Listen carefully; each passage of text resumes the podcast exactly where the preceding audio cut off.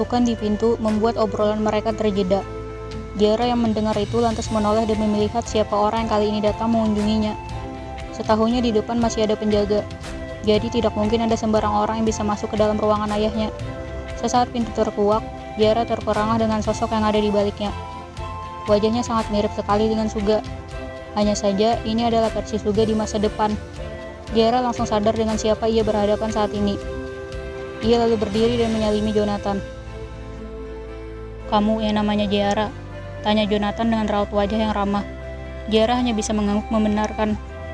Ah, kenalkan saya Jonathan, ayahnya Suga. Kebetulan saya baru tiba kemari beberapa saat yang lalu. Tapi Suga tak ada di villa dan kata Wisman ia sudah kembali kemari. Makanya saya sekalian mau menyapa siapa gadis yang sedang ditolong oleh anak sayangan saya itu. Lanjut Jonathan disertai dengan gerakan isyarat oleh Wisman agar Jerion mengerti maksud kedatangannya. Terima kasih atas kedatangannya, Pak. Berkat anak Bapak, saya bisa terbebas dari tahanan orang itu selama bertahun-tahun. Akhirnya, saya bisa bertemu lagi dengan anak kesayangan saya ini, kata Jerion yang diiringi oleh ucapan Wisman sebagai pengertian. Iya, sama-sama. Saya turut senang karena anak saya bisa menyelamatkan kalian. Jara, kalau kamu ada masalah dan memerlukan apa pun, jangan sungkan untuk bicara dengan saya atau Suga ya. Tenang saja, saya tidak seperti ayah-ayah yang ada dalam drama kok. Saya cukup humble orangnya, kata Jonathan dengan tersenyum tulus. Sekali lagi, Jarion memberikan ucapan terima kasih pada Jonathan. Om bisa saja, tapi terima kasih banyak om. Ditolong seperti ini saja saya sudah bersyukur banget karena masih dipertemukan sama orang baik. Untuk lebih dari ini saya jadi saya tidak menerima rasa sungkan pada orang yang saya atau anak saya tolong. Jadi kamu simpan saja rasa sungkanmu itu, oke? Okay? Om pamit dulu, nggak bisa lama-lama soalnya mau datangi Suga juga, kangen sama anak. Potong Jonathan dengan berpamitan. Sekali lagi terima kasih banyak om. Kata Jara sekali lagi saat ia berada di depan pintu. Iya, sama-sama. Jagain ayah kamu biar cepat pulih dan bisa pulang ke rumah lagi ya. Om pergi dulu. Hmm, panggil Suga tak jauh dari mereka. Suga, kamu dari mana saja? Bapak nyariin kamu dari tadi. Kata Wisman begitu Suga mendekat. Aku dari taman ya, ayah mau pulang sekarang. Sahut dan tanya Suga yang dibantu oleh Wisman. Sebenarnya Jonathan cukup mengerti dengan apa yang dikatakan Suga. Namun demi menghindar dari kesalahpahaman arti yang dikatakan oleh Suga, maka dibiarkanlah Wisman sebagai koneksi di antara mereka. Meski begitu, dalam kesibukannya, Jonathan tetap berusaha untuk menyisihkan waktunya demi belajar bahasa isyarat agar tidak terus-menerus melibatkan Wisman setiap kali mereka bicara. Jara, ini pakaian serta makanan dan minuman buat kamu, kata Suga dengan mengulurkan kantung kertas yang sedari tadi ia bawa. Jara menerimanya dengan sedikit malu-malu. Makasih ya Suga, maaf merepotkan, kata Jara. Gak apa-apa, gak merepotkan sama sekali, kalau begitu aku pamit pulang dulu sebentar sama ayah saya ya. Nanti aku balik lagi ke sini buat temenin kamu. Gak usah terburu-buru juga. Kamu nikmatin aja dulu waktunya sama ayah kamu. Kata Jara sambil menatap ke arah Jonathan dan tersenyum. Suga hanya mengangguk dan sekali lagi ayah dan anak itu pun berpamitan.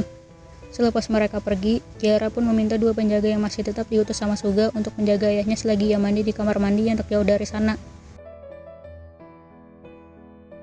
Jonathan, Kebetulan sekali kita bertemu di sini. Tegur seseorang pada Jonathan yang sedang makan malam bersama Suga dan supirnya Wisman.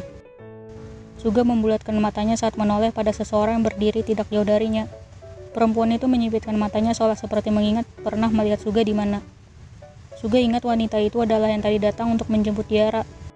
Wanita itu pun seperti sudah ingat hal yang sama, tapi ia cukup pandai menyembunyikan rasa terkejutnya dibanding Suga yang kentara sekali. Sedang Wisman tidak tahu harus bereaksi seperti apa. Ia pun hanya bisa diam saja. Janara, kamu sudah pulang dari Sydney rupanya. Kapan balik? Sahut Jonathan dengan nada suara seolah Janara adalah teman lamanya yang pernah akrab. Atau memang seperti itu sebenarnya? Iya Jo, gimana bisnisnya? Lancar. Tanya Janara sambil sesekali melirik ke Suga yang perlahan kehilangan selera makannya. Alhamdulillah lancar. Ah iya, kenalin Jan, ini anak saya namanya Suga kata Jonathan dengan menunjuk Suga, sementara Wisman mengartikan ucapan sang ayah. Suga hanya memberikan senyum tipis dan sedikit membungkuk hormat. Wah, anak kamu ganteng banget. Pasti nggak mudah dong rawat anak seperti dia seorang diri, Jo. Ucap Janara terdengar ambigu di telinga Suga. Ah, enggak, sama sekali enggak, Jen. Saya justru senang dan baik-baik saja dalam membesarkan anak semata yang saya ini. Uh, oh ya, kamu sedang apa di sini, Jan? Juga mulai bete. Selera makannya sudah hilang sepenuhnya. Wisman pun menyadari hal itu. Sementara ayahnya sudah asik mengobrol antara bisnis dan bercerita mengenai masa lalu mereka. Juga rasa hubungan ayahnya dengan ibu Jara bisa dibilang sangat dekat dulunya. Buktinya mereka terlihat nyambung begitu bicara satu sama lain. Tapi tetap saja, mengingat dengan betapa tidak malunya ia yang datang tiba-tiba pada Jara, membuat rasa hormat Suga padanya tak lagi ada.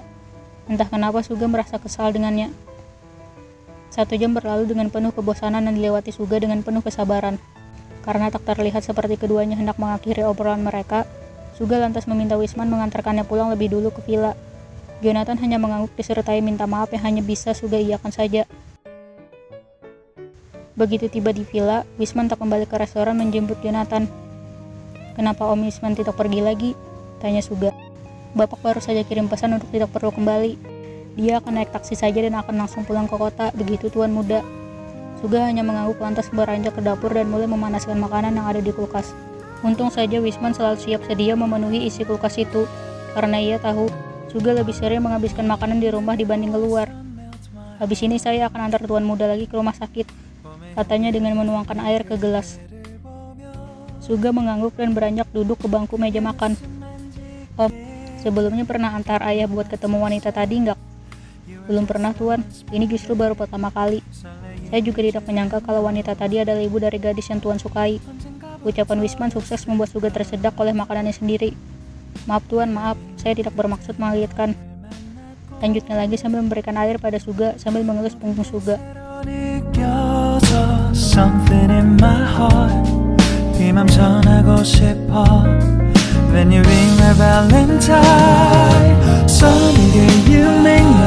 Come true